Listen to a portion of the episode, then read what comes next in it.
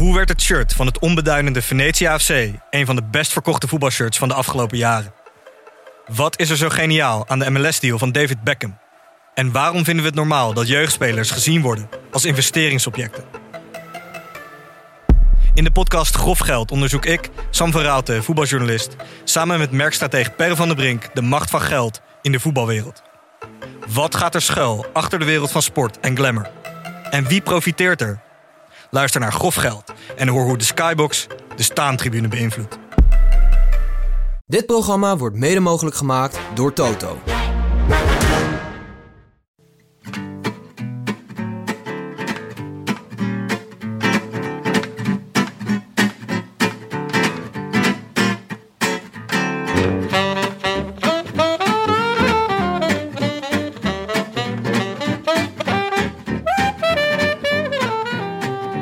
Is zondag 12 mei en de Giro is begonnen. Live vanuit Amsterdam-West is dit de Rode Lantaarn, de wielerpodcast van Het is Koers.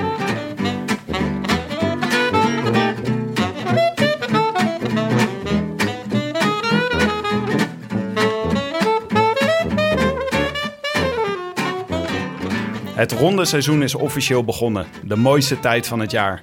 Bij het zien van de schans van de openingstijdrit maakt mijn hart elk jaar weer een sprongetje.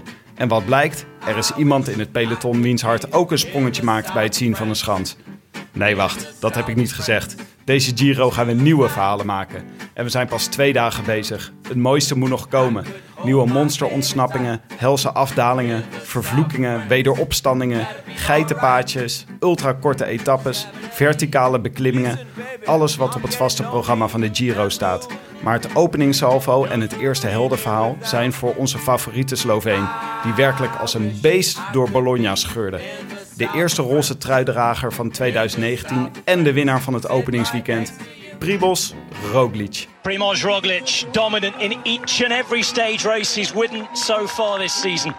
He won in the UAE, he won in Tirreno, he won in Romandie, and he's the leader by a long, long way. 23 seconds quicker than Nibali. I wish I could be in the south of France. In the south of France. Sitting right next to you. Willem, je klinkt een beetje zoals normaal Jonne klinkt. ja, ja, als een jongen die net terug is uit Rusland. Ja, ik had, een, eh, ik had gisteren, waren mijn oom en tante waren 25 jaar getrouwd. En die vierden dat met een feestje. En er was een, best een leuk bandje bij op zich, maar die speelde keihard. En ik eh, zie mijn familie niet zo heel vaak, omdat ze best wel ver weg wonen. Dus die wil ik dan natuurlijk allemaal spreken. Dus ik heb mijn stem nogal geforceerd. Waren het eh, de yearlings van, eh, van eh, onze favoriete Leon Geuyen van Het is Koers? Nee, nee, ze speelde iets toegankelijker muziek. Jammer dat Zo. zo de toon weer wordt gezet, jongens. Een minuutje onderweg en het is. eh, de, De eerste, mensen zijn sneer, de eerste sneer is alweer uitgedeeld. Ja, leuk. Ja, dat is waar. Zo zie ik jullie het liefst. Maar is het niet gewoon omdat je zo hebt staan vloeken vanwege NAC vandaag? Nou, ook wel een beetje. Ja, nou, ik heb, nee, ik heb eigenlijk niet zo vloeken om NAC. Ik ben, een, ik ben eh, van, van thuis uit ben ik NAC-supporter. Voor de mensen die dat niet weten en die nog nooit naar de podcast hebben geluisterd. Maar die zijn vandaag officieel gedegradeerd. Maar ik moet eerlijk zeggen dat het wel eigenlijk meer als een opluchting voelde dan als een echte teleurstelling. Want de teleurstelling zat al, zeg maar, in wedstrijd drie van dit seizoen. Toen zag iedereen dit al aankomen. En vervolgens was het zeg tergend langzaam een pleister aftrekken. Wat dan zeg maar tot aan nu duurde. Dus ik was vooral blij dat hij er eindelijk af was. En eh, ja, gifbeker is leeg. En Jonne en ik En ik ben ook nog een eh, beetje voor Ajax. Dus die werden kampioen vandaag. Dus dat hielp ook wel. Officieus kampioen, hè? Officieus. Ja, daar doe ik het al voor. Het was natuurlijk wel een mooie dag met eh, een volledig eh, competitieprogramma in Nederland, voetbal en eh, Formule 1. Formule 1, volledig competitieprogramma in Engeland Ja. en dan nog de Giro. Ja. En ik, zat, eh, ik moest er ook een beetje aan denken door Ajax dat altijd het winnen van een, eh, het vieren van een overwinning in sport is toch altijd een moeilijke aangelegenheid. Zoals dan die Ajax-spelers die dan, nou ja, dit is een heel grote, grote gebeurtenis voor Ajax. Mhm. Maar het is heel moeilijk om een goede manier van vieren te bedenken. Dan staan die Ajaxiden, die staan allemaal op zo'n eh, op zo'n eh, Armin van Buren pomper, staan ze in het stadion eh, te springen. Verschrikkelijk. Ik vind, ik vind huldigingen... Ja, ik hou ontzettend van ongemakkelijke, ongemakkelijke televisie. Dat, dat weten jullie.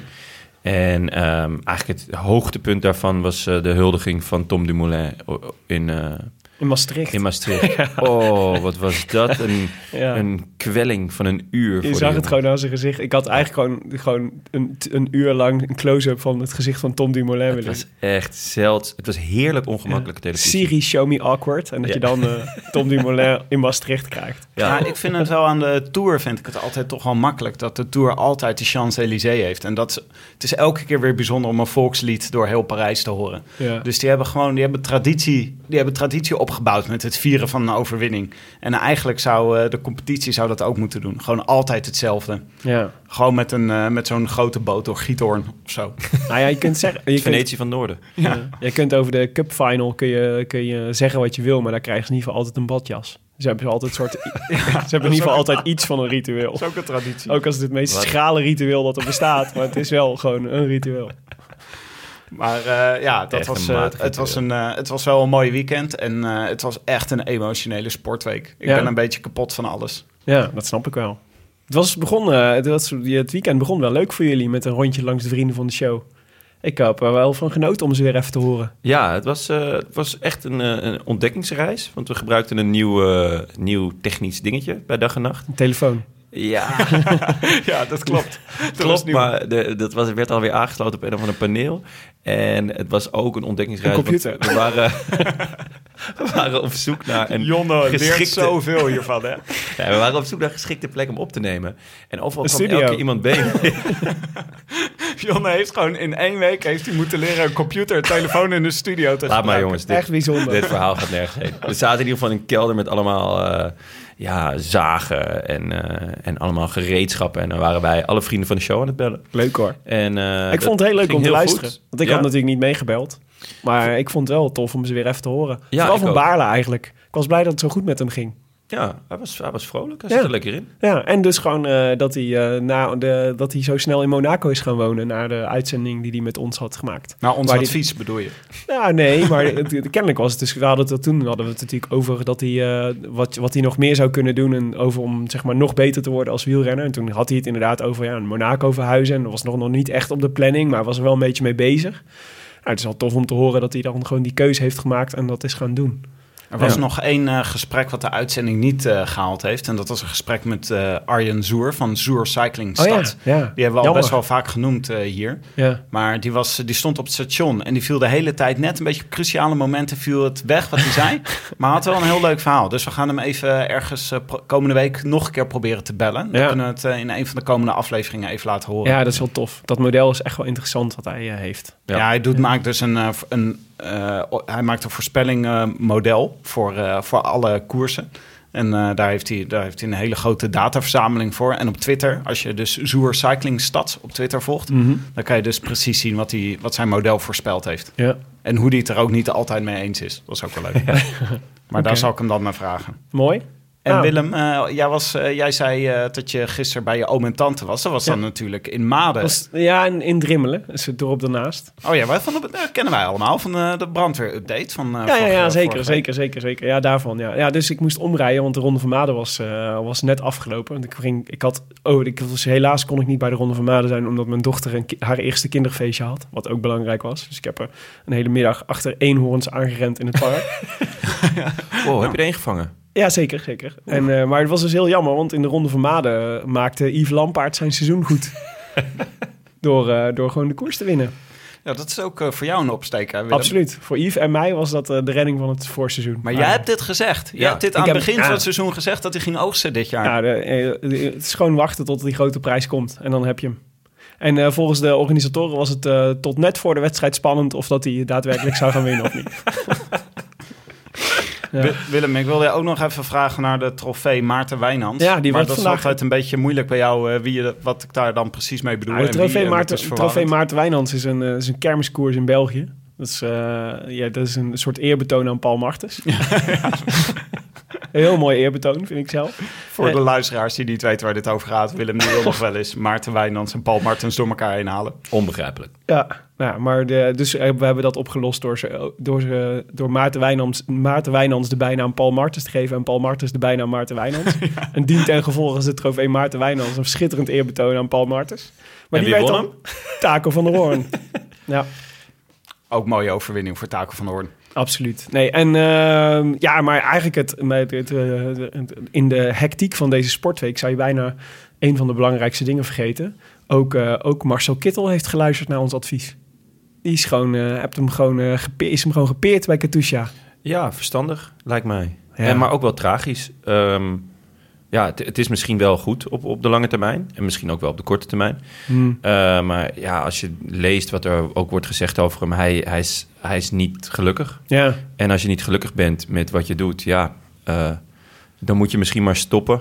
Ehm, hij is natuurlijk financieel wel binnen. ja. Aan de andere kant, dat wordt wel de hele tijd gezegd... Van dat hij voor het geld heeft gekozen bij Katusha. Mhm. Maar Katusha is helemaal niet zo'n rijke ploeg meer. Nee, maar volgens mij hebben ze wel al hun budget gewoon in Marcel Kittel gestopt. Ja, wat dat betreft is Katusha ook eigenlijk wel het zieligst van allemaal. Maar ehm, ja, zelfs dan. Ik, ik denk dat hij gewoon naar een ploeg is gegaan waarvan hij dacht... nou, daar ben ik kopman en daar wordt echt eh, volledig op mij eh, eh, ingezet. Want bij Quickstep werd hij toch eigenlijk een beetje ja, wegge weggekeken... omdat Gaviria aan de deur klopte. Mhm. En ehm, ik denk niet dat hij, dat hij per se enorm voor het geld heeft gekozen... maar hij heeft wel voor een ploeg gekozen met heel weinig structuur... En niet echt een idee of zo. Dus ja, de, de, de- Ah ja, ik denk dat hij ook, daar eh, meer de vruchten, nu de, de wrange vru- vruchten van plukt... Dan, dan dat hij daadwerkelijk heeft gezegd van... nou, ik, ik ga nog even een paar jaar cashen. Nou, ik vond het wel mooi. eh, het is wel interessant in dit kader om de podcast die jullie maakten met Roy Curvers nog eens terug te luisteren. Want die heeft natuurlijk heel lang met hem gereden bij eh, Sunweb. En eh, die vertelde ook over dat, hij, dat, dat het zo'n renner is die, ergens, die echt een doel moet hebben om naartoe te kunnen werken. En ook zeg maar de off-time daarna nodig heeft om weer te recupereren. Dus niet per se een renner die een heel seizoen lang constant op constant niveau kan presteren.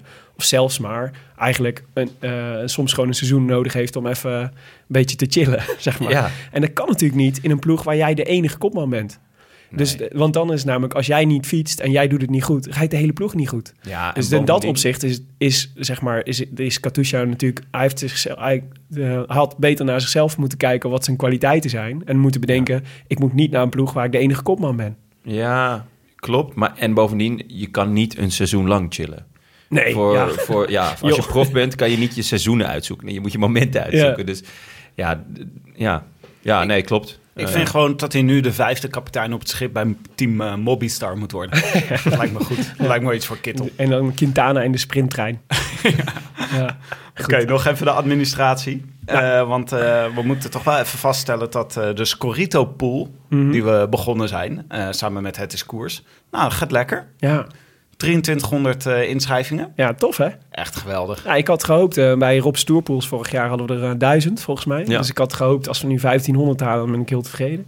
Maar 2300 is echt wel, eh, is wel veel, ja. Dus dat is echt heel erg leuk. En eh, dus ik ben benieuwd, want eh, ja, het is een, een- een hoop volk. Het is een hoop concurrentie voor iedereen, voor dat shirtje van Mathieu van der Poel. Ja, en we gaan er lullig uitkomen natuurlijk. Ja, wij eh, ja, zeker. staan een soort sterretjes zo, roze pennetje om onze namen heen. En die diamantjes, diamantjes. Ja, Ik eh, sta ergens, zeg maar, waar NAC eh, in de competitie is geëindigd, sta Ja. ik nu. Komen we zo ook nog uitgebreid op de, sp- over te spreken hoor. Ja. Hoe, eh, Ja, hoe- maar het, hoe is wel, jullie het zegt denk ik ook wel iets over hoe de Giro leeft. Want, eh, want eh, ook die, af, die voorbeschouwingsaflevering, dat is ook gewoon onze best beluisterde aflevering Zo. ooit. Ja, Dus die tikt bijna de 40.000 luisteraars aan. En dat is echt, ik vind dat echt extreem veel. ja. Hoeveel kunnen er in de arena? 55.000. We kunnen best een keer de arena uitverkopen. Ja, ja met Zitten we heel iedereen dichtbij. uitnodigen. Ja, dat Ja. iedereen daar met, met, met oordopjes gaat zitten. ja, precies. maar ik sluit ook niet uit dat, Luisterparty eh, in de arena. ik sluit ook niet uit dat eh, vaste luisteraars, zoals eh, Joey van Aken, dat hij er gewoon verantwoordelijk is voor 10.000 van de belangstelling van de Frank Heijnen Ja. aflevering. Ja, precies. Oké, wat gaan we doen vandaag? Eh, we gaan natuurlijk de tweede etappe bespreken, die van vandaag. Want Ja. dat is gewoon het format van onze show. Maar laten we gewoon even ook uitgebreid de tijd nemen om naar het hele openingsweekend eh, terug te kijken. Want eh, er is natuurlijk wel weer het een en ander gebeurd. Zeker. En eh, de kaarten zijn een beetje geschud, Ja. zo kunnen we het wel zeggen. Maar eerst, zoals altijd, de rectificaties. Ja. Je, je, je, je begint met te glunderen. Nou, het viel best Ja. wel mee deze keer, toch? Nou, Ja, veel vond ik wel. Ja? We hadden, de, ehm, we hadden ja, we hadden wel, wel meerdere rectificaties. Zoals bijvoorbeeld van, de, van Kees van Kees Schaak. Leuk, leuk, leuk, leuk. Ja, die schreef... eh, Heren, voor de rubriek rectificaties een rectificatie uit de rubriek rectificaties. In de voorbeschouwing op de Giro hoor ik in de aankondiging van de eerste rectificatie... namelijk zoals bijvoorbeeld. Dat is een tautologie, weten jullie zelf ook, Mel. Maar ik ben op dit punt nou eenmaal een moraalridder... en zal niet van mijn paard afstijgen tot mensen ophouden met zoals bijvoorbeeld. Ja, eh, hallo, mag ik even... Ken je? Dat is dus, dan ben je geen moraalridder, dan ben je gewoon een taalpurist. Dit heeft niks met moraal te maken. Weet je hoe ze dat in. België noemen? Een komma-neuker. vind, een mooie, vind ik altijd een mooie. Met alle respect natuurlijk. kort Kort genaad zeggen. Ja. Over het geluid van de motaar heen. Ja. Om het nog bonter te maken schrijft hij in de tweede geciteerde rectificatie... hoor ik een zin over Eneas. Eh, beginnen met, zo komt hij bijvoorbeeld, bijvoorbeeld voor in... Zelfde probleem, dubbel dubbel op toch? Oh ja, zo komt hij bijvoorbeeld zo en bijvoorbeeld. Edoch, trek je er niet te veel van aan en blijf vooral doen wat jullie doen. Ik heb na het eh, luisteren van jullie podcast namelijk zo mogelijk nog meer zin in de Giro. Goed, Keeën. Nou, dankjewel Keeën. Ja. We zullen het nooit meer doen. Nee, we zullen niet eh, zeggen, we hebben nog rectificaties, zoals bijvoorbeeld die van Schaak. Oké, een andere rectificatie is van Pieter van Kan. Dat Nou, dat was geen rectificatie, dat was een klacht. is een klacht, ja, Ja. ronduit. eh, Dat is gewoon Maar die mag ook in deze rubriek. Ja. Zeker. Ik wil een klacht indienen over de opmerking... ik had Langeveld niet meteen in mijn WK-selectie staan. Hoezo niet, zegt Pieter van Kan. WK op een klassiek parcours zonder al te zware hellingen... met veel draaien en keren over 280 kilometer... dan staat Langeveld direct op het lijstje van de bondscoach. Mhm. Nou, eh, Willem die meldde zich eh, gelijk hierna... en die zei, ik heb even een voorlopige selectie gemaakt van de, voor het WK. En toen kwam jij met een lijst van 140 renners ongeveer. Maar toen ging wel glunderen. Want, eh, want we hebben echt... Nederland is gemaakt voor dit WK. Dus eh, ik, had, eh, ik- dacht van laat ik eens kijken wie ik dan wel als eerste op mijn lijstje zou zetten. En, eh, en het WK is natuurlijk nog heel lang. Dus laten we er vooral niet te lang bij stilstaan.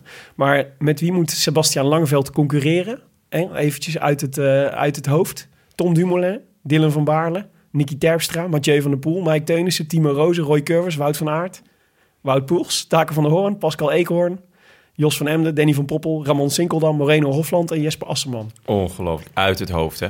Ja. Uit de ja. Ongelooflijk. Uit zijn mouw. De oplettende luisteraars zal Wout van Aert hebben gehoord.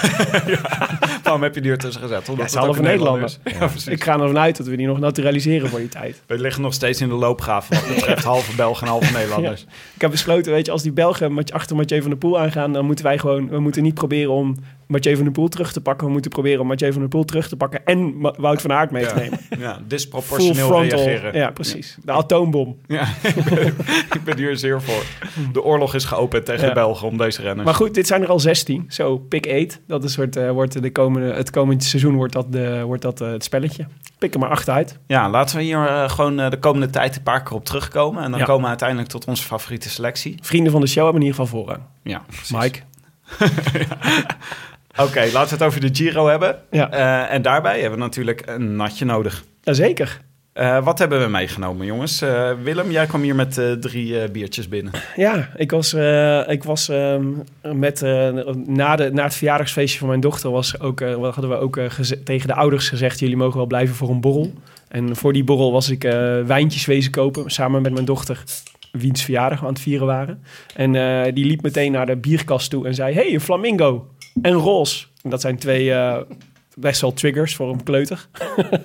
Bedoel je de struisvogel? Ja, dat bleek dus later een struisvogel te zijn. eh, die op het etiket staat. Maar dit is dus eh, van Brouwerij het Ei eh, eh, flink bier. Oh ja. En dat is omdat het en roze is en het thema van een kinderfeestje. Is het, past er nu helemaal bij Nou, het, thema, het thema was, eh, was eh, eenhoorns, hè? Oh ja. Ja. ja. maar thema kinderfeestje. Pascal Eenhoorn. Ja, Pascal Eenhoorn was het feestje. Die hebben we achterna gezeten in het park. ja. Nee, maar eh, ja, en wat schetste mijn verbazing? Ik ging natuurlijk naar Raid Beer en op zoek. Ik dacht, laten we Ice Dwarf weer eens een kans geven. Maar Ice Dwarf gaf niet thuis. Maar wie wel thuis gaf, was Dutch Dart Vader. Want Dutch Dart Vader geeft altijd thuis. Nou, vorige week. eh, Ja, als je van die, Was eh, van, die mar- van stap? van die margebiertjes mee gaat nemen. het is een heerlijk biertje hoor. hey, die was, dat was toch een soort ranja, was het meer? Ja, genieten. Ja, ja. Ja ik weet Past er goed in de, in de lijn met Ik denk de dat vlugel. Dutch Dart Vader heeft gedacht van als ik, eh, als ik daaraan moet beginnen, dan... eh, ja, precies, past er goed bij de vlugel. Maar Dutch Dart Vader zei, ehm, ruikt fris en bloemig. Mooi lichtgeel troebel kleurtje. Wel bijzonder bestellen. Twee dezelfde biertjes, maar het andere biertje is een stuk minder troebel. Oh, hij heeft dus twee biertjes besteld, maar het ene biertje was anders dan het andere. Een mooie viscositeit. Wat is dat dan? Ja, weet ik veel, joh. Tim, jij hebt bij een krant gewerkt. Wat betekent viscositeit? Nou, ik, vond, ik vind ook werkelijk, het ziet eruit alsof het een schitterende viscositeit heeft. Dat, is, dat zie je direct aan zo'n biertje. En Jij ik weet ook niet wat het betekent, hè? van gaan genieten. Ik heb vond ook gisteren in de koers zeer veel viscositeit gezien. Ik, ik ken alleen het, het. Russische woord voor viscositeit. Dus Wat is dat? ja, viscositeit, nou ja. Oké. Maar eh, hij schrijft dus een mooie viscositeit met een dikke maar fijne van structuur zijnde schuimkraag. Hallo, thanks Dutch Dart Vader, dat je altijd dit puntje weer maakt. Eh, smaakt fris en bitter tegelijk met een zachte afdronk. Het ongefilterde geeft dit lichte biertje die extra bitterheid die het gewoon afmaakt. Ergens heeft het door de hoppigheid weg van een IPA, maar zonder de citrustonen.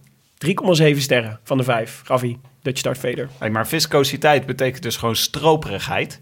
Ah. Voordat iemand rectificaties gaat insturen. Maar dus op zich zou je op zich... Je zou ook in een koers Een kunnen zeggen... Ik zag wel een zekere viscositeit bij eh, Lotto Soudal gisteren. Ja, maar stroperig in relatie tot wielrennen, dan moet ik toch meteen aan eh, dik bloed denken. Ja, dat is waar. Miguel Indurain, die ooit in de...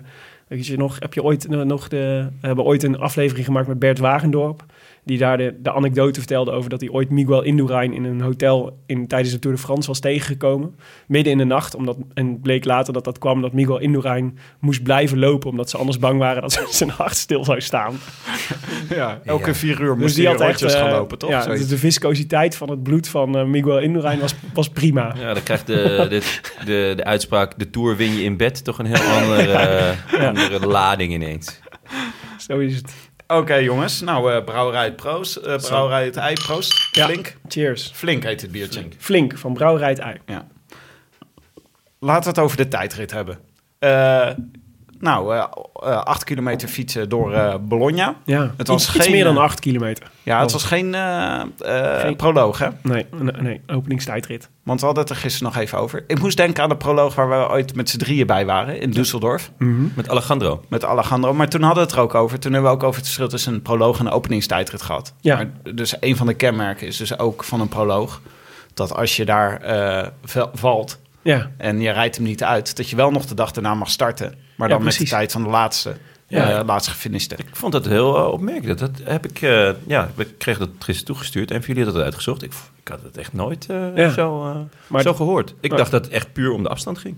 maar dat is, eh, nee, ja, onder andere om de afstand. Maar dat is dus wel belangrijk. Zeker als je Hiroki Nishimura heet. Ja, beter kunnen vallen. Want dan, eh, nee, want je, in een proloog maakt het dus ook, is, bestaat dus ook buiten tijd niet. Dat, dus dat, dat begrip is ook, dus als het een proloog was geweest, Oh. had al Hir- Hiroki gewoon nog meegefietst vandaag. Ja. Dat meen je niet. Ze hebben Ja. hem in het pak genaaid. Ja, Met ja, die 200 de, meter. de Ja. oplettende luisteraar had het natuurlijk al eh, had het natuurlijk van Frank Heijnen al vernomen dat, dat je Nishimura niet, eh, Ja. niet per se een pooltip was. maar ik heb vooral te doen nu met eh Sho Hatsoyama. Dat is een, zijn, zijn kamergenoot. Die is nu eens eentje. Die moet nu je? drie weken in zijn eentje als enige Japanner in die Italiaanse ploeg drie weken Italië zien door te komen. Ja, maar hoe zijn ze dan toch bij deze jongen gekomen? Weet je hoe de sushi smaakt in Italië? Ja, matig. Niet tevreden hoor. Maar het was dus een, eh, het was een. Ik eh, was wel verrast door de tijdrit, omdat het klimmetje was gewoon eh, zwaarder dan eh, Ja. geanticipeerd van tevoren. Ja. Waardoor je ook zag dat alle lichte renners boven kwamen drijven. Die, eh, die, het was gewoon een, eh, ja, de, echt die uh, tijdritspecialisten. Die kwamen er gewoon niet aan te pas. Veel te groot, veel te Hm. zwaar. Ja. Dus het waren de klassementsrenners die heel goed kunnen tijdrijden, die het goed deden gisteren. Ja. Ja, je moest, eh, dat was mij, ja, je moet eh, onder de 65 kilo zijn om deze tijdrit goed te kunnen rijden. Dat was de conclusie. Is dat zo? Ja, Dus- alles wat eh, de enige die, eh, die dus Dumoulin is, is 69, eh Jungels is zelfs nog iets, iets zwaarder, volgens mij 72 kilo en al het andere zit onder de 65 kilo. Wie, eh, wie, vonden jullie, eh, wie vonden jullie opvallend goed gisteren? Ehm, Roglic. Oh, interessant Willem. Vertel me daar meer over. Ja, nee, ik, kan- ik kan het er lang of kort over praten, maar dat is natuurlijk echt een eh, mokerslag meteen. Ja. ja, Hij was zo goed. ja, hij was, nou ja, hij was naar verwachting eigenlijk. Ik, Ja. ik bedoel, we hebben, we hebben de Ronde van Romani gezien en, en zijn tijdrit. En dit is een tijdrit die hem echt ligt. Eh, in, in, in Romani was hij ook echt heel goed in die laatste tijdrit. Echt absurd goed. Dus nu was hij ook gewoon weer echt goed. Maar om heel eerlijk te zijn, ben ik veel meer verrast over Simon Yates. Ehm, tuurlijk is het is met een punch. En tuurlijk, eh, ehm, dat ligt hem. En natuurlijk heeft hij in Parijs-Nice een, goede tijdrit gewonnen. ja. Maar dat was ook door de weersomstandigheden en omdat hij de rest van de week eigenlijk niks deed. Dus ineens is Simon Yates Mhm. ook een tijdrijder geworden. Ik vind, nou, niet, misschien niet helemaal, want Roglic staat gewoon 19 seconden op hem voor. Maar ik vind Simon Yates wel echt, Ja. ja, misschien wel de winnaar van de dag. Kijk, hij Ik, ja. is hier natuurlijk met, met wraakgevoelens, maar het, het is een parcours qua tijdrit, kilometers, wat hem niet zou moeten liggen. Maar deze wel toch. Nee, dus eh, omdat die, die klim hier was, die was natuurlijk die was steiler dan we dachten. En, eh, en pittiger dan we dachten. En dan is het gewoon, ja, hij kan gewoon, hij is eh, na Roglic de beste klimmer momenteel. Nou, hij is ja, ja, misschien wel beter dan Roglic. Eh, ik, ik heb hem namelijk in mijn hoofd nog steeds niet echt als tijdrijder. En dat kan natuurlijk aan mij liggen. Ja. Ehm, maar hij heeft wel een, een, een punch bergop. En, een, en, en dus de, ook inhoud, dat heeft hij in de Vuelta laten zien. Dat eh, ja, 19 seconden op een supergoeie Roglic verliezen in een tijdrit. Ik denk dat hij er heel blij mee was. Ja, Maar hetzelfde geldt voor Lopez, toch? ja Lopez ook. En Nibali. Ja, maar Nibali vond ik eigenlijk nog fascinerender. Want van Yates en Lopez zou je kunnen zeggen... die hebben enorm veel voordeel gehad dat het zo'n punch was aan het einde. Weet je wel, dat ze gewoon hun eh, springveren aan konden zetten. En, eh, maar Nibali is natuurlijk niet zo'n springveer.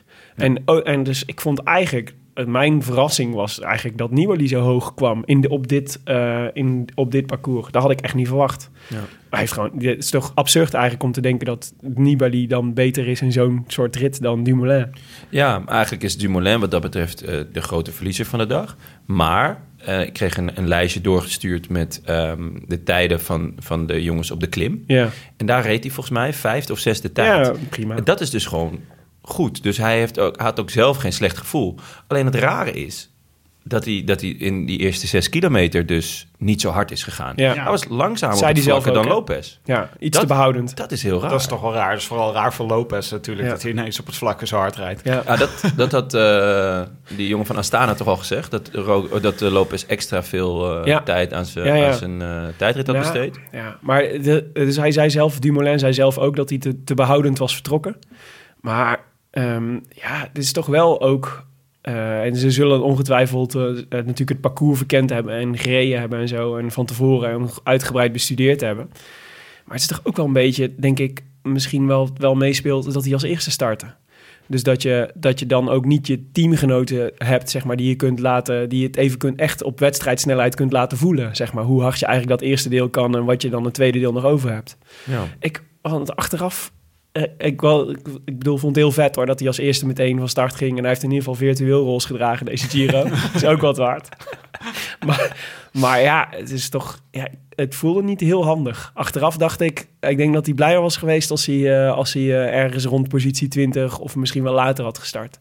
De- ze hadden natuurlijk bedacht dat het, eh, dat het slim zou zijn omdat ze verdachten dat het weer zou omslaan. Dat deed het uiteindelijk niet, dus het is makkelijk gelijk halen achteraf natuurlijk. Maar ja, om dan helemaal als eerste te gaan, vond ik ook wel zo wat. Het was ook voor de kijker. Ik zat ook een hele tijd... eh dan krijg je al die favorieten in het begin. Zit je vervolgens twee uur naar tijdritten te kijken van mensen die helemaal niet van tijdrit houden. Precies. en dan te wachten tot het... Nou, twee uur. Het was, ze waren En nog veel langer, om, eh, ja. Ze waren om vijf uur waren alle favorieten gewoon klaar. En toen moesten we tot acht uur wachten tot het Jeet zou beginnen. Ja. Ja. ik was blij dat mijn moeder eh, even een kast voor Shout moest hebben. Toen heb ik dat even gedaan. Want, eh, ja, die, die, die drie uur lang eh, naar echt een stelletje knakenrapers die, ja, die maar wat deden ook. Ja, en tot Yates weer kwam. Dan kon Ja. je, Ja, dat dan was kon het moment, ja. zeg maar, het enige Ja, moment om dan toen- naartoe te leven. Ja, toen kwam ik ook net weer thuis, dus dat was mooi. Maar het was een, eh, nog een opvallende naam eh, bovenin, vond ik Bauke Mollema. Die van fiets wisselde. Dat zag Ja. allemaal erg houterig uit. En Zo toch vet. reed hij echt super hard de berg op. Ah, Mollema, het is zo'n eigen gereid figuur. Ja. Zeg maar, niemand wisselt en hij denkt, ik wissel gewoon, want dat Ja. vind ik lekkerder. En hij baalde ook, eh, want ze hadden een fietszone, wisselzone ingericht. Ja. Maar die hadden ze dan niet in de bocht gedaan. ja, 100 meter ervoor. Ja. ja. Dan Ja. verlies je dus 100 meter snelheid. Ja, dat is, dat is heel debiel. Dus daar was hij ziek van. Maar dan nog reed hij echt een fantastische tijdrit. Ja. Hij is in orde. Ja. Tijdperk. Het tijdperk, ja. We gaan, het, gaat, gaat nu beginnen, denk ik. Ja, maar eigenlijk, was het, eigenlijk vond ik, want ik vond Dumoulin ehm, op dit, ik vond het niet, het was gewoon oké. Ja. tijdrit. Niet, niet meer of niet minder. En ik vind het ook lastig om, ook over Yates en over, eh over Lopez. Ja, je kunt wel conclusies trekken over dat hun tijdrit beter is geworden. Ja, zeker. Maar bedoel, het echte bewijs komt natuurlijk pas bij de volgende tijdrit. Nee, tuurlijk. Want En, dit is natuurlijk zo op hun lijf geschreven nog. en het, is, het is week 1 en je, daarin win je de Giro niet. Maar je kan hem wel verliezen. Ja, ja, En dan zijn er twee toch echt gigantische verliezers. ja zeg maar. Met eh, Landa en eh Zakari. Ja. Ja. Die hebben echt, ik weet niet wat die hebben gedaan. Nou, Landa had weer eh, last van de olijfbomen die in bloei stonden. Oh ja, ja, nee, dat heb ik ook altijd. Vind ik echt zo. Dan, dan, dan, dan ben ik aan het podcasten en dan ineens En het schijnt ik helemaal op. Het schijnt ook dat er te weinig zout in zijn pasta had gezeten de avond van tevoren. Ja, echt. Ja, sorry hoor, Mikkel. Hey, maar weet je wie ik ook mis hè? Eh, in, de, in de top van, eh, van de uitslag? Was eh Sivakov. ja, Dat was ook een beetje... eh, ik weet Theo Gegenhardt zag ik wel bovenin. Zeker, ja. Die reed heel erg goed. Ja. Ja. Maar wat is Sivakov toch ook een beetje opgeschreven? Frank Heijn had hem zelfs getipt als eh, winnaar, eh onverwachte winnaar van deze tijdrit. Ja? Ja, ik, ik, ik, ik heb gewoon nog niet echt een, eh, een heel duidelijk beeld van hem. Wat hij Kijk, kan. bij Nee. Sky word je gewoon heel lang eh, opgeleid en, en mag je heel lang knechten en duurt het echt heel lang, kijk naar Wout Poels, voordat je kopman bent. Ehm, en ja, nu worden door, doordat Bernal eh, is uitgevallen ineens deze twee boys voor de, voor de leeuwen gegooid. En hij heeft natuurlijk fantastische Tour of the Alps gereden, maar ja, ik weet niet zo heel goed wat hij nou kan op het allerhoogste niveau. Want Tour of the Alps is natuurlijk wel Mhm. echt een ander niveau dan, dan hier de Giro, waar gewoon echt de kleppers van de kleppers aan, het aan start staan. Ja, hij, was ook niet, uit- het was, hij zou ook eigenlijk niet de kopman zijn. Hè? Bernal zou Nee, daar ja, had hij voor moeten werken. Ja, daarom. Ja. Ja, maar goed, eh, ja, die gaan we echt nog wel zien hoor. En Maika, jongens, Maika. Ja, die deed het goed. Uitstekend. Beste Goeie, tijdrit ooit. goeie tip van, eh van Tisch. Ja, Nog op het, ik heb hem op het laatste moment nog even toegevoegd. Ja, dat is. Corito. Nee, ik vond het ook een mooie. eh, dat had het goed gezien. Ja. Had, je hem ook in je, had je hem ook geselecteerd voor deze tijdrit, Maaika? Nee. Ja. ja, ik wel. Ja? Ja. ik niet. Nee. Nee, nee, ik ook niet. Nee, dat is gewoon- ongelukkig. ja, je gaat toch niet... Als je kijkt naar je lijstje van 30 renners... en eh, dan eh, je moet tijdritspecialisten selecteren. Ja. Hoe kom je er dan bij om Maaika te selecteren? Willem? Ja, ik denk, eh, volgens mij heb ik hem wel als achtste of negende geselecteerd. Zo van op een gegeven moment moet je gewoon denken wie is de beste van de slechte. zeg maar. Ja. Ja, ja. En daar kwam Maika dan bij, maar dit is, dit is gewoon een mazzeltje. Het Geef ging ik bij jou tussen Maaika en Akkerman. Die Ja. was, eh, Ja, waarschijnlijk. Nishikori. Ja. Nee, die heb ik alleen in mijn wielerprono, want daar was hij namelijk, kostte hij namelijk niks. Maar ja, goed. Goed, gisteren reden we dus... heeft niks eh, opgeleverd. Nee. Gisteren reden we rondjes in Bologna. Mhm. Hebben, we nog iets, eh, hebben we nog iets vergeten te zeggen over de tijdrit? Nee, leuk, eh, leuk begin. Ja. mooi ja. mooi eh, parcours ook. Smeuig, ja. Ja. E- echt leuk om zo te beginnen met zo'n Ja. eh, met zo'n klim. Ja, en tof is dat je hem dus tot morgen nog op Zwift kunt rijden, eventueel. Dat zal ik dan nog eventjes mijn, eh, mijn- is mijn bijdrage nog heb, jij hem, heb jij hem gereden? Nee, ik ga hem morgenavond ga ik hem nog wel even rijden. Maar de- ze hebben dus, tijd is. ja, nou, de, Kan je harder dan, denk- dan dan Hiroshi. En ben je, en ik ben denk je dat ik die Roki niet, niet, niet ga bijhalen hoor. Nou, dan is de grote vraag, eh, ga je voor een fietswissel? Ja. ja. Swift fiets Toch, zo. ja. Ja. Toch op je stadsfiets? eh, ja, helaas is de, onze sponsordeal met Canyon is nog niet zo ver dat ik ook al een tijdritfiets van ze heb gekregen. Dus ik moet het gewoon op mijn, eh, op mijn, op mijn reguliere fiets doen. Ja, je, nou ja eh, kijk Maar- morgen maar op mijn eh, Strava en dan zie je het wel. Maar helpt het op Swift ook om een lichtstuur te hebben op je fiets, bijvoorbeeld? Ja, nou ik denk het wel. Want je moet, eh, voor, als je een tijdrit wil rijden, het gaat er gewoon om natuurlijk dat je soort de maximale... Nou ja, nee, want die tijdrithouding is, gaat volgens mij heel erg over... Dat is natuurlijk alleen maar aero. ja, dat maakt Dus- geen zak uit. Ja, maar het is natuurlijk, het gaat, wat is de, wat is zeg maar dan de houding waarin je maximale kracht kunt overbrengen op je trappers? Dan, ja, dan kun je bijna beter op een lichtfiets gaan zitten, denk ik. Ja, Dat is vet, hè? dat is iets van Mollema. Ja, gewoon Mollema Ja, ik had- keer. Ik werd zaterdag, werd ik, Wisselen zaterdag, naar een lichtfiets op het vlakke. ik werd zaterdag bijna namelijk van mijn fiets gereden door een, door een man op een lichtfiets in Amsterdam. En toen dacht ik, "Ih, deze moet ik even onthouden voor de Rode Lantaarn verrassingskoers. dat er je- tenminste één, één, één etappe in zit met een lichtfiets. Met een lichtfiets. Ja. En misschien één met een bierfiets. Dat is ook wel echt een leuke. Met de hele ploeg op een bierfiets. dat dan de ploegentijdrit is. Ja, ja. Dat is wel Goed idee. Echt, oh, idee. die krijgt, hij krijgt steeds meer vorm.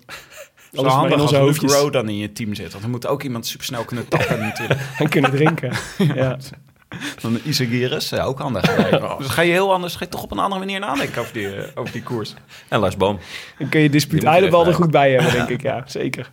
Vandaag eh, reden we van Bologna naar, naar eh Fucaccio, denk ik. Ja, denk ik ook dat je het zo zegt. Jij hebt een Italiaanse ex gehad, dus jij moet dit Focaccio. weten. Ja, ja, zeker. Fucaccio. Daar komt Andrea Tavi dus vandaan. Ja. Nee, ik had het Tavi Tempo Bull. Dat, waren nog z'n- dat was nog zijn tijd, hè. Ja, Ik deed een maand dat hij ergens langs het parcours stond. Ik heb hem niet gezien, maar... ik ook niet. Gaat me wel vanuit. Maar eh, het, was een, eh, ja, het was een etappe waarvan niet helemaal zeker was. Kijk, gelijk om het de pool eh, invullers moeilijk te maken. Het was niet helemaal zeker of het sprinter zou worden vandaag. Ja. Het was een vlakke etappe op papier, maar op zijn Italiaans. Allemaal kleine klimmetjes en heuveltjes. Want ja, eh, Bologna ligt aan de voet van de Apennijnen. Dat Mhm. gaat zo naar het zuiden, trekken, trekken die door. Ja.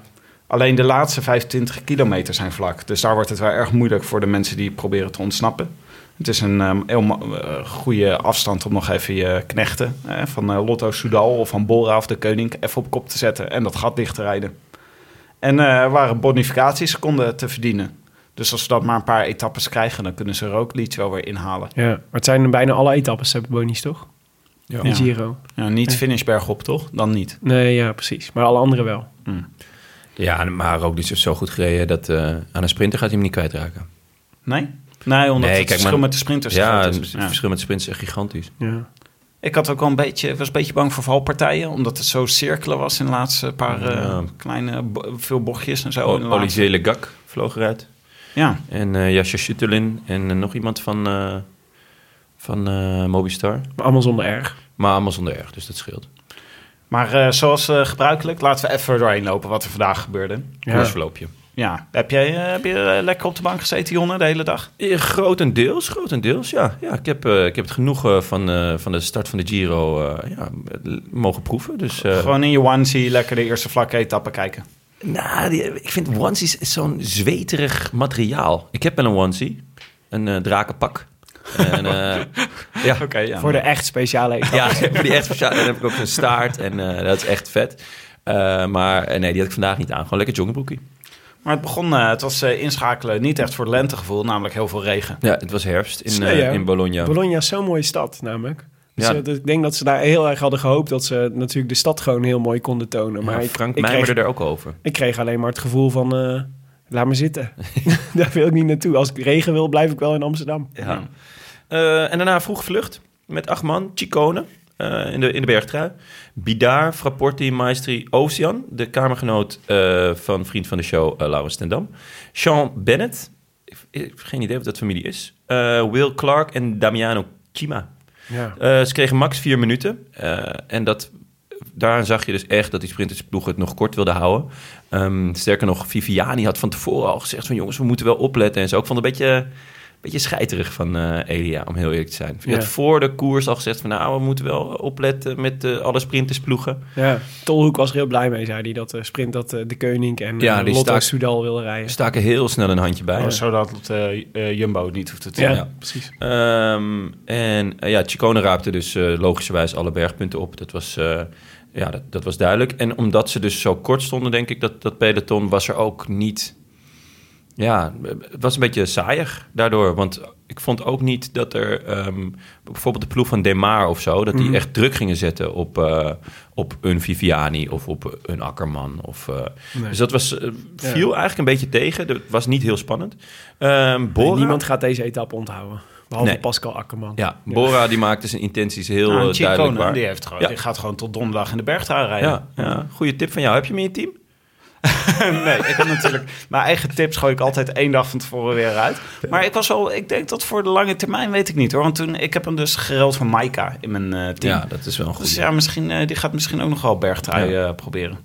Ehm, en de laatste paar kilometer. Dus Bora die was eh, echt flink eh, eh, aan, boren. Het, aan het boren. Ja, die liet echt zien van, nou, wij, wij gaan er voor vandaag. Zo, Bora, wat ineens een gestroomlijnde machine, toch? Ja, Ja. echt indrukwekkend. Dat, ja, nou, ja, zo zie je dat toch niet vaak bij Bora. Dus gewoon nu ineens een soort...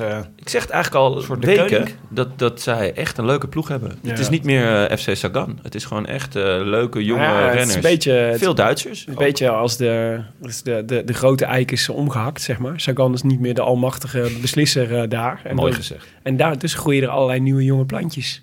Eindelijk. Bij oh, Bora. Willem. Ja, Mooie heel metafoor, mooi. Het is heel een mooi. beetje Ja. zoals toen Tom Bonen eh daarmee, eh Nou, dat, stopte. dat idee een beetje. Ja. Ja. Overigens was wel, het, was, het, was, het werd toen droog, eh, zeg maar halverwege de koers. En in Bologna was het natuurlijk nog zeikend nat. En ze hebben de eerste, denk ik, eh, 150 kilometer echt in het nat gereden. En eh, daarvan denk ik altijd, ja, dat is, dus, het is een saaie etappe, maar het is natuurlijk wel zo'n etappe die soort ook eh, in echt wel cruciaal kan zijn. Want die maakt zo'n etappe en veel zwaarder volgens mij. En die zorgt natuurlijk voor dat het is echt een aanslag op je weerstand meteen. Ja. Of Temperatuurschommelingen en wisselingen is altijd rot. Dus ik vermoed dat eh, deze etappe, dat we over een week of over anderhalve week, dat we dan de eerste renners gaan krijgen die zeggen, ja, eigenlijk in Bologna, toen kreeg Ja, ik een, ja. kreeg ik, toen sloeg het op mijn longen. En daar ben ik eigenlijk nooit meer echt van hersteld. Ja, dat zou kunnen. Dus met terugwerkende kracht gaat dit wel een belangrijk dingetje zijn. Ja, morgen ook weer, hè? Maar daar eh, komen we nog wel op. Ehm, om hem nog even af te maken. Lotto Soudal. Perfecte lead-out voor Ewan. Die zat ook echt heel goed. Ja, het is echt goed gedaan zeg. Ja, Ja. en eh, Gaviria die zat in zijn wiel. En daar in zijn wiel zat weer Viviani. Maar eh, op rechts kwam Akkerman eh eroverheen. Die werd heel goed geloodst nog door Selig, denk ik. Ja, ja Celia, Ehm, die zelf nog tiende werd volgens mij. Ja, en, en ehm, het camerawerk was niet zo goed, waardoor je heel lang ook Akkerman niet zag. En Viviani had te laat door dat Gaviria niet zo goed was. Mhm. Dus die sprong op een gegeven moment nog eh, wel op het wiel van, eh, van Akkerman. Maar het was wind tegen, wind, wind, wind op kop. Ja. Dus eh, daardoor ja, kon hij daar eigenlijk niet meer overheen. Maar hij kwam er heel dichtbij hoor, vond Ja, ik. hij kwam nog wel dichtbij. Maar Akkerman toch ook wel indrukwekkend, hoor. Ja, hij kwam van, eh, Akkerman kwam van heel ver. Ja, En dus het was, nee ja, hij zei zelf ook Akkerman dat hij op, een gegeven moment 250 meter van de streep zag dat nog, nog geen enkele sprinter was aangegaan. En dat hij dan dacht, oké, nu gewoon all out langs de andere kant. En ja, dus hij kon het volhouden. Ja. Dus ja, dat is knap. Dat was echt gewoon een indrukwekkende sprint. Ja. Ik denk dat eh, Sam Bennett met, eh, met eh, dingen naar de televisie heeft gegooid. met, eh, met, met blijdschap. Nou, Met blij, heel Ja, veel blije dingen, met bloemen en, dat, en zijn, lof. dat zijn ploeggenoot het gered Ja, heeft. ja, Maar waarom zeg je dat hij niet blij zou zijn? Omdat hij, omdat hij Nou, het was natuurlijk zelf mee wilde. Het was natuurlijk een dingetje tussen Sam Bennett en Pascal Akkerman, de twee sprinters van, van Bora.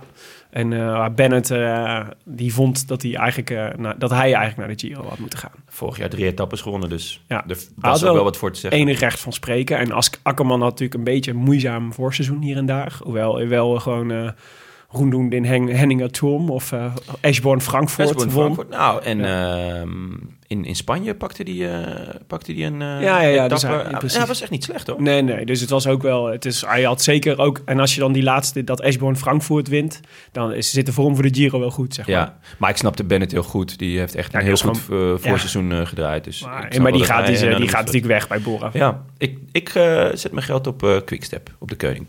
Dat hij daar naartoe gaat. Bennett. Ja, à la Viviani. Dat, is- dat ze hem daar eh, wel de tijd en, eh, en of de, de ruimte vooral en de trein geven. En dat hij dan eh, zomaar eens echt enorm kan gaan huishouden. Dus bij eh, de Koning kan je nog een tweede sprinter hebben naast uh, Derde. Viviani. En Derde. Jacobsen. Jacobsen niet. en Hodge. Eh, maar, Ja, die heb ik al een beetje aan de ja, zijkant Die heb je al overboord gegooid? Ja. Dat gaat makkelijk, hè, bij jou? Nou, het is ook een beetje kiezen tussen Fabio en Alvaro. Dan, eh, Ja. hè? Nee, maar er zijn drie grote rondes. En eh, ja, Viviani rijdt er nu drie dit jaar. Ehm, tenminste, hij staat er op de rol voor drie en dat is wel veel. Dus eh, ja, het ligt er natuurlijk ook enorm aan, eh, aan de ontwikkeling van Jacobsen. Eh, hopelijk gaat hij de Vuelta rijden. Ehm, al dan niet als, als, als, als kopman sprinter. Ja. Maar ja, leer mij de Koning Quickstep kennen. Als zij voor een zacht prijsje Bennett op kunnen pikken. Nou, ik had ook Why alweer, not? ik had ook alweer het idee dat Lefebvre eh, aan het overwegen was om Kittel terug te halen. Ja, en ik, ik las hem ook. Een, een, kleine flirt. Was het. Ja, ja, ja. Ik denk dat Bennett naar Katusha gaat. Want daar hebben ze een vacature. Ja.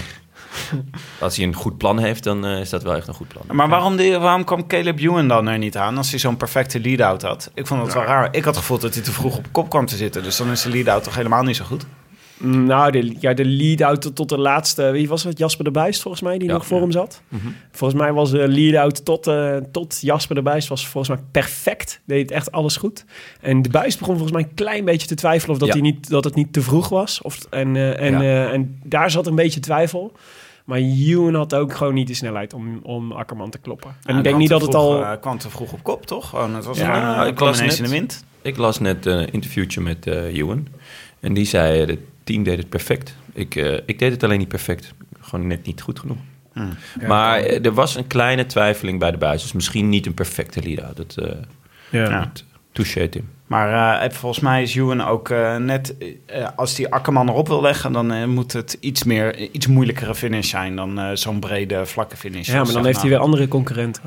Dus Ja. het is ook, eh, het is welke, welke sprint is dan perfect, zeg maar, voor hem. Dat is ook, eh, ja, ik bedoel, als het, eh, als het iets meer bergop gaat, dan heb je De Maar, weet je wel, die wordt ook vijfde. In een sprint die niet per se voor hem, het Ja. helemaal voor hem geschikt maar ik is. heb Ewan wel echt hoger zitten. Ook zeker in, een, in een steilere etappe. Ja, Dus, ja. ja. nou, komen we straks nog op. Maar ehm, ja, dus de Akkerman wint voor Viviani, Ewan, Gaviria, De Maar, Chimolai, Kuznetsov. De Buist wordt gewoon eh, achtste. Ja. Eh, Smaragli en eh Rudiger Selik. Oh ja, inderdaad, van Bora. Die wordt tiende. Nou, het was een beetje wat we verwacht hadden, toch? Van de rit van vandaag. Ja, een beetje, beetje saaie rit. Leuk voor Pascal Akkerman. Maar eh, Ja. ja. ja, god. Dus de komende, de komende dagen, het wordt eh, geloof ik dinsdag en woensdag wordt sowieso weer sprinten. Morgen is nog wat een en ander mogelijk. Nee, morgen. ja, morgen, wordt, eh, eigenlijk, morgen is eigenlijk wel een gegarandeerde sprint. Ja, Ja. maar Tenzij Thomas de Gent het op zijn heup krijgt. nee, het gaat, morgen gaat het eh, waaien. Ja, dat is waar. Windkracht 6. Ja. Schu windschuin in de rug, hoorde ik. En eh, dat is, eh, ja, daar staat waaiers eh, all over.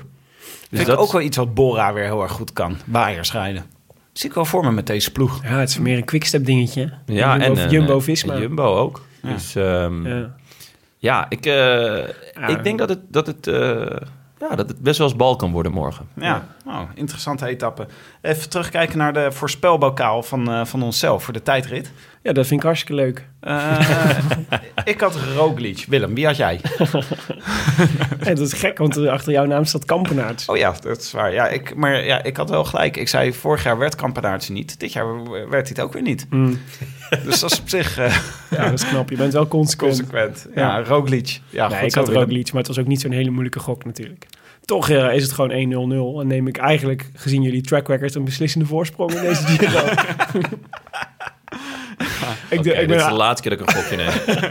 Jouw gokje, gewoon, eh, jouw gokje voor dit keer was Dumoulin. ja, een, een wilde gok. Ja, Maar ja, je, je gunt zo'n jongetje, je denkt ik gooi hem er gewoon in. ja. Kan mij het schelen. Ja, Dumoulin Het is een longshot, Dumoulin maar- was echt een, eh, echt een dark horse. Echt een longshot, ja. Die, ehm, hadden we nog een winnaar? Had nog iemand anders Roglic eigenlijk? Ja, joh. Ja, nee, ja, ja, best wel veel mensen. Ik denk, eh, nou, Dumoulin en Roglic waren denk ik ongeveer even populair. Maar ik, ik vermoed dat ze allebei zo rond de 60, 70 mensen hadden die het, eh, die het goed hadden. Dus die ga ik ook niet allemaal noemen. Sorry jongens en meisjes. Want eh, heeft een de, notaris, eh, de notaris heeft natuurlijk eh, Ja. een naam uit de hoed getoverd. zeker, Judith Kuppers uit Zwalmen heeft hem gewonnen. Uit wat? Zwalmen, Zwalmen. in Limburg. Wil je dat niet Zwalmen. onder camera zeggen? Dan moeten we eruit knippen, Jonne. Zwalmen, Zwalmen. Hij zegt Zwalmen. ja.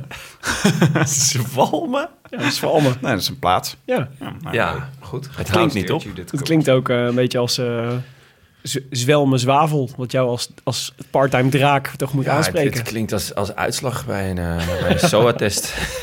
Oh, het, kon- het ligt in Limburg. Dat zei ik net. Ja. Zwalmen in Limburg. Oh ja, pardon. Ja. Ja, sorry. Was Judith dat- Kuppers. Dus die wint. Van harte, van een, harte. eh, een, eh, een boek uit het wielerfonds van Atlas Contact. Most likely een gesigneerde kleine heine. Daar heb ik inmiddels drie van. Ja, Heb je dat Ja. meegekregen? de duivel scheidt altijd op de grote hoop, zijn mijn ook Ik heb eh, van eh, de lieve jongens die bij ons in de redactie zitten... eh, was er ineens een pakketje bezorgd bij dag en nacht. En eh, ja, had ik ineens drie kleine heines. Want ik had er natuurlijk eentje gekregen van Frank. Ja. En eh, dus nu heb ik er drie. Nou, mooi. Het is, Ja. Jon kan ik heeft kiezen welke ik ga lang lezen? er geen, een, geen enkele gehad en nu heb je er drie. Ja, heerlijk. Ga je nu ook Ze zijn me allemaal even lief. Ga je hem drie keer lezen nu? Ja, zeker. Hm. Ik ben wel benieuwd of, Net het dan, of het dan anders, anders is voor je als je de Nou ja, eentje is gesigneerd door Frank natuurlijk, dus die is extra speciaal. Hm. Daarmee Maar ehm, Judith eh, wint dus een, eh, een kleine heine en mag de groetjes doen in de, in de, show, in de volgende show. Dus eh, Judith, neem nog even contact met ons op. Stuur ons even een mailtje. Post at de Ja. En, eh, Oh, en eh, ze krijgt natuurlijk ook een petje van Canyon. Dat Ja. eh, zou ik bijna vergeten te zeggen. Ja. Onze sponsor Canyon stelt petjes beschikbaar. Zo'n Dus, eh, wielerpetje die je zo omhoog kan doen. ja, een klakske hartstikke leuk. heet dat. Een klakske? Ja, Oh, koersklakske. ook hartstikke Nou. hip op een festival en zo. Ja. Chill. Maar ehm, in, de vorige, in de vorige uitzending hadden we natuurlijk eh, geen voorspelbokaal. Dus ook geen groetjeswinnaars die we nu eh, kunnen afspelen. Maar we kregen wel een reactie. Want naast, eh, naast de mail en Twitter en Facebook en weet ik veel wat... Kun je, hebben mensen nu ook bedacht dat ze ons ging via berichten op Scorrito kunnen benaderen. Wat eh, ook een soort nieuwe waterval heeft opengezet volgens mij. Maar eh, dat wat prima is. Maar die, dus ik kreeg een bericht van Chris van der Bos. Die, die ehm, eh, schreef... In welke mailbox dit terechtkomt is mij een raadsel. Desalniettemin een kans die met beide handen moet worden aangegrepen. Ja, nou, bla bla bla. Eh, de podcast zet mij aan het Nou, denken. zeg Willem. Ja, ik ga niet alle complimenten iedere keer herhalen. Dat is wel dat is een beetje te veel zelf feliciteren. Maar eh, de podcast zet mij ook aan het denken, schrijft Chris. eh, over het begrip groetjesmens bijvoorbeeld. In eerste aanleg zag ik mijzelf niet direct als een groetjesmens. Maar door de introductie van, de, van dit voor mij nieuwe begrip... kan ik nu geen e- e-mail meer versturen zonder aan dit begrip te denken. Het blijkt namelijk dat ik al jaren een groetjesmens ben... zonder mijzelf dit te realiseren. Soms een groet of groeten, een enkele keer groetjes... en vaker nog zelfs vriendelijke groeten. Iets wat misschien wel een subcategorie van een groetjesmens is, maar dat terzijde. Om die reden wil ik alle deelnemers aan de Rode Lantaarnpool graag de groetjes doen en succes wensen. En uiteraard sluit ik als niet-groetjesmens hier ook geheel tegen de verwachting af met vriendelijke groeten. Chris van der Bos uit Schiedam. Ja, Oh, Leon van Het is Koers suggereerde nog dat we de eh groetjes onmens moesten introduceren. Was Bastiaan? Groetjes onmens. Ja, dus misschien komt er ook wel een keer je iemand die wij de gelegenheid geven om de groetjes te doen Mhm. bij ons in de podcast. En dan iets heel naars over ons zegt. Mm. Nou, dat, is ook, dat zou ook nieuw zijn. En ik ben onmens. voor vrijheid van Oh. meningsuiting, jongens. Ik vind Ik dat dat gewoon moet kunnen. ik niet. Nee, jij Ik gaat heb gewoon helemaal niks mee. wegpiepen. Ja, Ik ook niet. nou, die goed. macht heb ik. Eh, we zijn, Maar leuk eh, hoor, goedjes mensen. Ja, ja. En we zijn eh, natuurlijk hebben we die Scorito-pool natuurlijk nog. En eh, daar zijn we ook pas twee etappes, eh, twee etappes onderweg. Toch even de top drie. Stan van Grunsven, Patrick Zangers en Jair Z staan bovenaan. Jairs. Jair Z. Jair Ja, Z. misschien is het wel een hiphopper. Ja. Kan. En, en eh, we doen er prominenten mee met Ja. de pool. Hoe Zal ik die, staan die eh, ervoor? Zal ik die voor we- mijn- voor mijn rekening nemen? Ja. Ja, eh, mijn boy Ties. Eh, de eerste prominent op de 85ste plek. Ja, het is Heel knap. netjes. In een veld met eh, 2300 deelnemers. Ja, zeker. Ja. En hij is ook fanatiek. Hij appte me nog van, hey, eh, wat, is jouw eh, teamnaam? En eh, ging ik toch even kijken wie, eh, wie ik had opgesteld. Dus, Doet, doet Jaat ook mee? Oeh, dat zou leuk zijn, weet ik eigenlijk niet. Mm. Dat, ik, zal, ik zal hem eens eh, informeren. Nou, eh, dus op de 85ste plek eh Ties Benoot. Dan een hele tijd niks. En dan Maurits Lammertink op de 938ste plek. Mhm. Nou, toch nog top 1000, dat is lekker. Dan is het maar een klein sprongetje naar mij op de 1315e plek. Tim is eigenlijk al kansloos voor de Ros met een 1454ste plek. Nou, En Willem doet het naar behoren met een 1651ste plek. Van Baarle staat op een 2100ste plek. Maar die is ook lang geblesseerd geweest. ja, Dus dat we kan nog...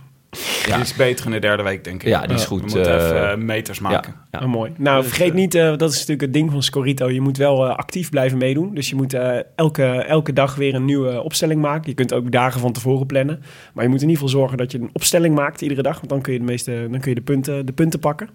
Eh, dus morgen eh, sprinters, tenzij... eh, en, en sprinters of Jumbo-Visma's en quicksteppers. Mensen die waaiers kunnen rijden. Wie heb jij als kopman morgen?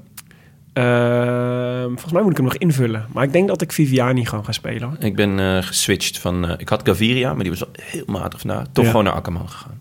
Safety Ja. first. Hey, maar even over dat kopmanschap. Hè. Ik zat te denken, want eh, ik twijfelde ineens... is er nou slim om een kopman te selecteren... voor degene die je denkt dat in het roze gaat rijden morgen? Of moet je een kopman selecteren Nee, die, die dubbele hoog. punten krijgt... omdat hij... Ja. eh, Nee, Dat hoog. laatste, ja, toch? Ja, ja, want voor, volgens mij voor, voor, voor de roze krijg je iets van 10 punten of zo. Ja, dus dat tenzij je nul sprinters mee hebt, kun je beter voor de sprinter kiezen. Ja. hmm. Ik zeg, kan ik niks over zeggen, Willem. Gaan we nog een keer die eh Stan van team is Guns... eh, publiek, hè? Als hij nou volgende week nog steeds eh, eerste staat... dan wil ik die Stan van, Stan van Guns eh, bellen om tips. Ja, ja zeker. Want ja. ik keek altijd heel erg op naar de, de tips van eh, de pooltips van Jonne. Maar ja, hij staat gewoon eh, ver onder eh, Stan van Gunsen en Patrick Ja. Zangers en Jair. ja, dat zijn voorlopig Ja. de namen. Maar goed, Die- we zullen het zien. De eerste pannenkoeken zijn voor de kinderen. Eh, eh, maar voorspelbokaal blijven we ook gewoon doen, hè Willem? Ja, zeker. Ja, de volgende is, eh, is die, ja, we, gaan dus de komende weken proberen we re- regelmatig uitzendingen te doen. En we hebben een beetje een schema in ons hoofd, maar dat gaan we nog lekker niet delen. Maar we zijn er in ieder geval op de zondagen. En waarschijnlijk dan door de week ook minimaal één keer. En de eerste volgende etappe die we gaan doen is, of de eerste volgende uitzending is aankomende donderdag. Dat is 16 mei. En dan rijden de renners van Cassino naar San Giovanni Rotondo. En dat is, een, eh, is wel een toffe rit. 238 kilometer, echt lang. Misschien wel een van de langste van de Giro, zo niet de langste, denk ik. Eh, met een lastige, heuvelachtige finale, de Coppa Casarinello. En een slotkilometer die lichtjes oploopt. En lichtjes is ook wel echt lichtjes, 1, 2 procent, zeg maar. Dus dat is Ja, wel... ik dacht iets meer. Ik dacht 3-4, maar... Ja, 4,4 procent volgens mij. Ja, dan maximaal. Maar dan is Maar die- gemiddeld, waarschijnlijk gemiddeld over die laatste kilometer is, is het eh, is dan 1 à 2 procent. Maar het is natuurlijk wel een beetje de vraag of die klimmers daar overheen komen. Ja, en of ze niet een bus gaan vormen en eh, dan erachteraan Ja, want die gaan klim daarvoor is, eh, is wel echt Is flink. pittig, Tweede ja. categorie. Ja. En eh, Ja. het, is, um, ja, het is een beetje een loper. Dus 15 kilometer geloof ik. eh, maar Ja. op zich, Ja, ja. Eh, ja, het is een keus. Maar dat zijn dus de mensen die voor het bolletjes, eh, voor de bergklassement willen. Ja. Die, gaan, het- die hebben natuurlijk zo'n rit als donderdag opgeschreven. Want dat is eentje waar je in de aanval wil zitten. ja, je wil gewoon de laatste berg halen. Dus ja, ja, ja, nee, ja, nou zeker. ja, dus, maar die gaan met de aanval meezitten. Dus dat is misschien... eh, maar het is wel Zeg moeilijk maar, om te bepalen. Nee, het is dat, daarom dacht ik ook, het is ook wel een leuke, want die is zo'n zo'n proloog natuurlijk. Dan zegt iedereen Roglic of Dumoulin. Dat is, pro, tijdritten zijn per definitie redelijk makkelijk voorspelbaar natuurlijk, want je weet gewoon Ja. wie de favorieten zijn. En sprint-etappen zijn eigenlijk ook, want dan weet je, kun je ook wel zo tien man noemen. maar deze etappe is echt, eh die kan alle kanten op. Oh, we moeten een originaliteitsprijs hebben met voorspelbokaal eigenlijk. Dat is ook gewoon om te stimuleren dat mensen dan niet Roglic gokken. Maar Hmm. dan zeggen, dit wordt de tijdrit van Maika of Mollema. Oké. Zou ook leuk zijn. Of Pierre-Omeric Aubameyang. ja, dat, is wel origineel. dat is eh, zeker origineel. maar goed, voor donderdag, eh, ja, wie opschrijven? Ik dacht, eh, laat ik, ja, nu het over originaliteit ja. Niet heel goed gelukt. Thomas de Gent had ik opgeschreven. Ja. Maar ja, dan komt wel dat jij hem net al de hele tijd hebt zitten noemen. Maar ja, hij is natuurlijk wel een soort eeuwige aanvaller. En Ja. eh, zo'n etappe als dit ligt hem natuurlijk goed. Ja, nou, ja, hij gaat het in ieder geval een paar keer proberen, deze Giro. Dus waarom niet aankomende donderdag? En wie heb jij? Ehm, ja, nou ja, ik dacht, eh, ik moest een beetje denken aan eh Milaan Sanremo. Als een, eh, dat zoiets zou het wel eens kunnen worden. En dan vind ik de Maris zo'n zo'n sprinter die nog wel de, een tweede categorie aan zou moeten kunnen. Dus ik, heb, ik ga voor Arno de Mare. Zou ik ook leuk vinden voor Sinkeldam. Ja. We waren even bang dat Sinkeldam eh, vandaag... ik ben, nou ja, Er ging dus zo een eh, Ik- Groupama-renner ging echt op met een soort driedubbele Rietberger tegen het, eh, tegen het asfalt. Cac. Het was gelukkig, Olivier. het was gelukkig maar een. Maar hij was, eh, nou, maar hij was, hij kwam nog eh, redelijk op tijd binnen. Ja, Dus, eh, twee minuten. Hij had ook niks. En, eh, en eh, hij werd dus van zijn fiets gereden door Chimolai. Nee, door, eh, ja, door Chimolai. Echt? Ja. Ja, die, ja die, was, die ging buitenom en hij ging binnendoor. Hij, hij, wilde, eh, hij had zijn werk gedaan, dus hij wilde eh, Oh, het peloton de- uit. Maar hij keek niet zo goed naar... Hij keek alleen waar de, het peloton was. Chimolai komt altijd uit een onverwachte hoek. Ja, maar ik zag, ze- het zijn vrienden van elkaar. Ze hebben bij elkaar in de ploeg gereden. Ah, en, eh, ja, dus ik zag al een fotootje dat ze elkaar een knuffel gaven. Dus het is it's all good. It's all good. Maar eh, ik had wel nog even een gedachte hierbij. Die wil ik je graag meegeven, Willem. Want Mhm. eh, ik, jij zegt altijd eh, dat renners moeten op judo-les. Omdat ze dan leren vallen tijdens Ja. dit soort dingen. Ja. Maar ik denk toch dat als ik aan... ik heb wel judo-les gehad, ooit. En dan heb ik ook leren vallen. Maar de manier waarop je daar leert vallen... is wel een beetje gevaarlijk voor je sleutelbeen als je renner bent. Nee, joh, juist niet. Jawel, want je valt toch op je... Gaat toch op je Nee, je rolt. Oh, je moet op je zijkant. Ja, maar de, Je maakt een dus je rollende beweging. En daar Dat deed hij, Olivier Lecac deed dat dus ja, die heeft dus ook niks, ge- niks gebroken. Ja, ja, nee, dat is waar. Maar ik denk toch dat je sleutelbeen... Dat, ik weet niet zeker of dat een goede manier van vallen is. Ik zou Nee. wel een keer iemand willen spreken Die verstand heeft van judo. van vallen. Oké. nou, dus dat is de beste manier van vallen. Eh, nou, hopen dat Geesink een keer eh ja, schuiven. Oh, of moeten Laurens vragen. Die heeft ook eh, zijn nodige eh, Ja, maar die heeft pas één keer zijn... ja, bij het NK. Dat was de eerste keer dat ze sleutelbeen brak. Ja. Ja. Ja. Was dat het NK? Toch? Ik dacht dat het een kermiskoers was. Eh, God, daar wil ik vanaf zijn. Misschien. Ja. Oh, was het Kelderman er bij het NK? Ja, de acht van Kaam was het volgens Ja, mij. ja, ja, ja. Nog- veel kloten. Ja. Oh, ja. Maar zou het dan ook helpen om heel hard te slaan? Zo, dat mo- moest toch ook altijd met... eh, Nee, dat is aftikken. Nee, nee. Nee, nee. slaan, slaan om je val Dat is te dat je breken. verliest, Tim. Nee, je slaan verliest, om je val te breken. Ja, nee, maar je moet- dat het eh, gaat dat om- je, moet je met judo Je doen. moet, het gaat om dat je een rollende beweging maakt in je val. Zodat, je het, zodat de impact verdeeld wordt over je hele lijf. In plaats van over één specifiek punt. Wat al die renners doen is een arm uitsteken naar de grond. Om, de, om te proberen een val te breken. Daardoor breek je sleutelbeen. Tim. Dus ja, je moet, maar ik bedoel dan moet je dus niet je arm uitsteken en gewoon hem vol met je hoofd opvangen. Eh, ja, je hebt, je hebt die helm niet voor niks, Jonne. Gebruik hem. rollen, Rollen? Ja, oké. Ja. Ja, rollen. Ja, is, ja, nee, dus, dat is judo-training. Dat je dat leert om dat intuïtief te doen. Jonne, wie heb jij opgeschreven voor de voorspelbokaal? Ik, heb, eh, ik twijfelde heel lang om ook een sprinter te nemen. En dan natuurlijk Ewan. Maar ehm, ik ben toch voor Diego Ulissi gegaan. Goede tijdrit gisteren. Eh, altijd goed in de Giro. Ja. Ehm, ja, lekkere punch. Kan, eh, kan ook nog wel eh, ja, rap aankomen. Ik wil hem wel zien, Diego. Ja, hij heeft wel een paar, eh, hij heeft, een paar ritten die hij wel op kan schrijven, denk ik. Ja. Die hem wel op het lijf geschreven zijn, deze Ja. Giro. Maar ik weet niet of het per se deze is. Nou, moet jij zo presenteren. Nou, we zullen zien. We, zullen zien. We gaan het, we gaan het zien. we moeten nog even eh, het, eh, eh, de administratie afmaken. Ja, de vrienden van de show. vrienden van de show. We rijden ze komende week. We hadden het net al even over Jacobsen. Ja, die is in California. California zit hij momenteel. Met de Roy Curvers ook. Die is ook in Californië.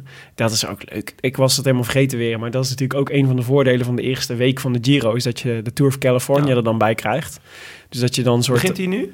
Vandaag? Morgen. Ja, Morgen. dus eh, ja, voor ons morgen. Ja. Dus dan heb je... eh, Volgens mij wel.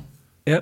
Ja, dus maandag. Oh ja, maar ja, ja, ja, ja. Maar Jacobs is wel een groot eh, favoriet gelijk voor de eerste etappe volgens mij. Want dat is echt een uh, Jacobsen sprint wordt dat. Ja, nou, ik vind het al sowieso al heerlijk dat je gewoon... eh, je hebt eigenlijk... Dus ze concurreren niet met elkaar. Want eh, de Tour of California is gewoon voor ons 's avonds. Ja.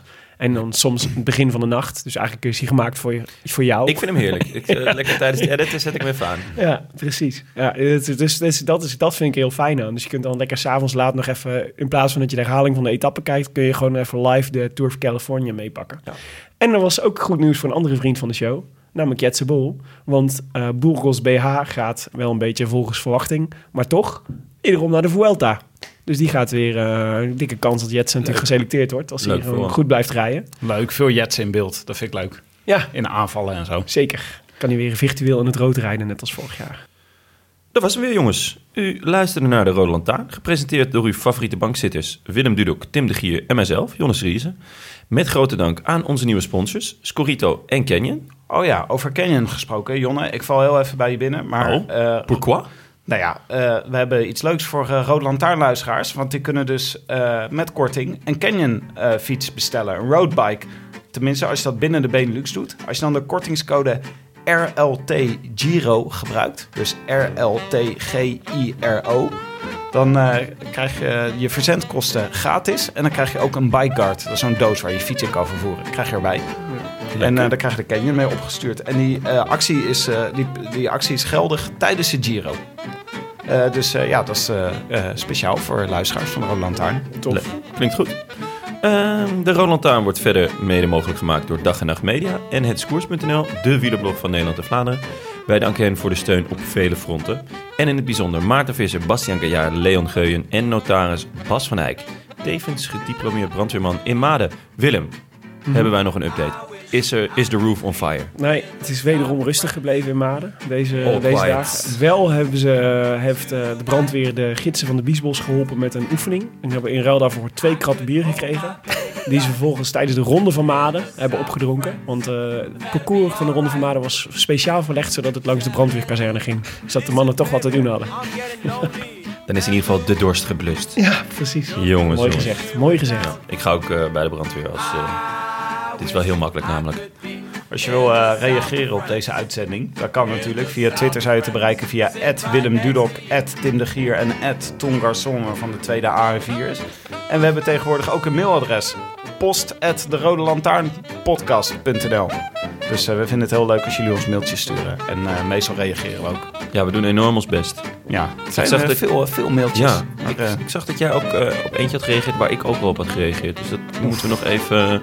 ja, dat is echt eh, zeer onprofessioneel. Ja, goed. Ja, het is allemaal... eh, Ik ben vooral eh, nog bezig met eh, groetjes aan Robert Geesink eh, schrijven, want die blijven nog binnenstromen. en ik heb beloofd met de hand op te schrijven, ja, dus daar ben ik mee bezig. Ja, laten, we, laten we afspreken dat, je nog, eh, tot, eh, dat de mensen nog tot morgen hebben om een, eh, om een goedje in te sturen. En dat Ja. we daarna de fruitmand op, eh, Ja, op de dat post doen. doen. Eigenlijk heb jij tijd zat, joh. Tijd zat om dat allemaal op te schrijven. Eh, abonneer je op iTunes voor deze podcast of laat daar een eh, reviewtje achter. Dat eh, vinden wij erg leuk en dat helpt andere mensen weer om de podcast te vinden. Hebben we nog een leuk reviewtje, Willem? Zeker, we kregen er onder andere eentje van Frans Riksen. Die gaf ons vijf sterren en die schreef slap gelul over wielrennen. Heerlijk. Ook al zijn het een stel Ajaxiden. Zelfs da- daarom heb ik zelfs overwogen om vier sterren te geven. Maar desondanks heerlijk om in de auto van en naar kantoor te luisteren. Vooral na een fantastisch koersweekend kan ik me echt verheugen om de nieuwe Rode Lantaarn te gaan luisteren in de auto. Hoogtepunt tot nu toe, het nadoen van Wuits. Renaat. Nog steeds moet ik grinniken als ik zelf nog eens probeer om de stem van Wuits na te doen. Kan daar geen terugkerend item van worden gemaakt? Ga zo door. Jonne kan dat heel goed. Renaat! Ja, ja, beter dan de Renaat en de konijnenpijp gaat het niet meer worden dit, eh, dit jaar. Dat is duidelijk. Goed. Dat was het dan. We zijn eh, begonnen met de Giro. Het tourseizoen eh, is bezig, het ronde seizoen. We zijn er weer donderdag. Aankomende donderdag, precies. A biento, jongens. Arrivederci. Arrivederci. I wish I could be in the south of France. In the south of France, sitting right next to you.